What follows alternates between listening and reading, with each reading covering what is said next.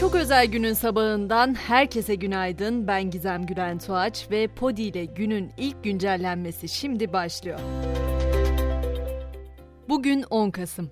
Türkiye Cumhuriyeti'nin kurucusu Ulu Önder Mustafa Kemal Atatürk'ün aramızdan ayrılışının, bizimse ona seni asla unutmayacağız deyişimizin 84. yıl dönümü.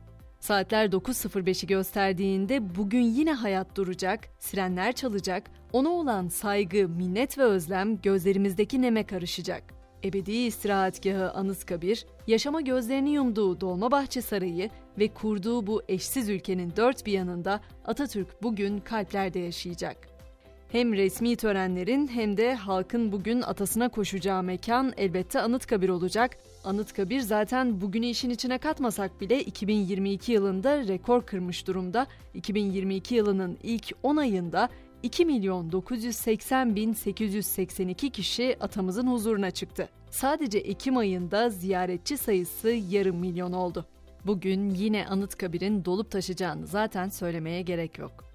Geçelim günün diğer gelişmelerine. Yerli otomobil TOG'un ilk deneyim merkezi İstanbul'da açıldı. Deneyim merkezinde vatandaşlar TOG'un C-SUV modelini yakından görebilecek ve merak edilen dijital ekranların olduğu kokpit bölümünü inceleyebilecek. Nerede peki bu deneyim yeri diye sorarsanız İstanbul Zorlu Center'da açıldı deneyim merkezi.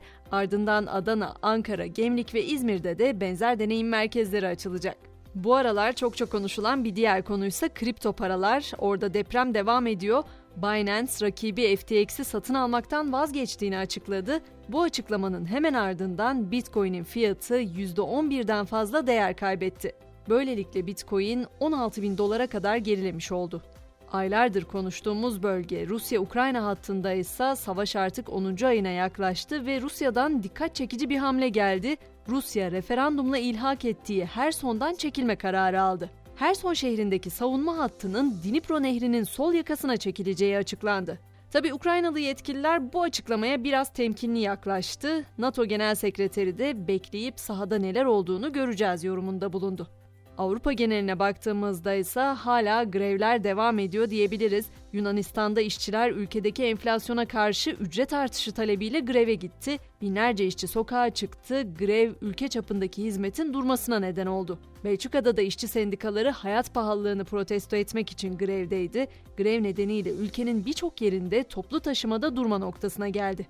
Çin'e gittiğimizde ise koronavirüste sıfır vaka politikası sürüyor. Çin'in üçüncü büyük şehri Guangzhou, Covid-19 salgınının başından bu yana karşılaştığı en büyük vaka artışını kontrol altına almaya çalışıyor.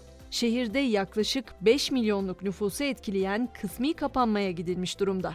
Meksika'da ise kuş gribi kabusu geri geldi. Meksika'nın iki ayrı kırsal eyaletinde kuş gribi virüsünün yayılması nedeniyle itlaf ve karantina uygulamalarına geçildi. Halkın mutfağında önemli yer tutan piliç ve yumurta fiyatları ise fırladı. Bu sıralar bu fırlayan fiyatlar çokça rekor kırıyor ama ben şimdi size başka bir rekordan bahsedeceğim. Dünya seyahatine çıkan İngiliz bir çift ulaşım ve konaklama için eşi benzeri görülmemiş bir araç tercih etti. Karavana çevirdikleri eski bir ambulansla dünya turuna çıkan çift 50'den fazla ülkeyi gezdi. Çiftin yaptığı bu seyahat bir ambulansla kat edilen en uzun yol rekorunu kırarak Guinness Dünya Rekorlar kitabına girmek üzere. Sosyal medyadan hiç bahsetmedim zannedilmesin. Tabii ki Elon Musk'ın adını anacağım bu bültende. Musk Twitter'ın dün tanıttığı onaylanmış hesaplara eklenecek Greeting özelliğini sadece birkaç saat sonra sonlandırdığını açıkladı. İlhan Bey ne yapıyorsunuz dedirten bu gelişme sonrası Musk kendi hesabından yaptığı paylaşımla Twitter'ın önümüzdeki aylarda aptalca şeyler yapmaya devam edeceğini, işe yarayan şeyleri tutacaklarını, işe yaramayanları ise değiştireceklerini açıkladı. Ünlüler dünyasından son dedikoduysa Shakira ile ilgili Pique ile olaylı ayrılığının ardından Shakira 8 yılın sonunda Barcelona'yı terk ediyor. Peki nereye gidiyor derseniz ünlü şarkıcı 9 ve 7 yaşındaki çocuklarıyla birlikte Miami'ye taşınma kararı aldı.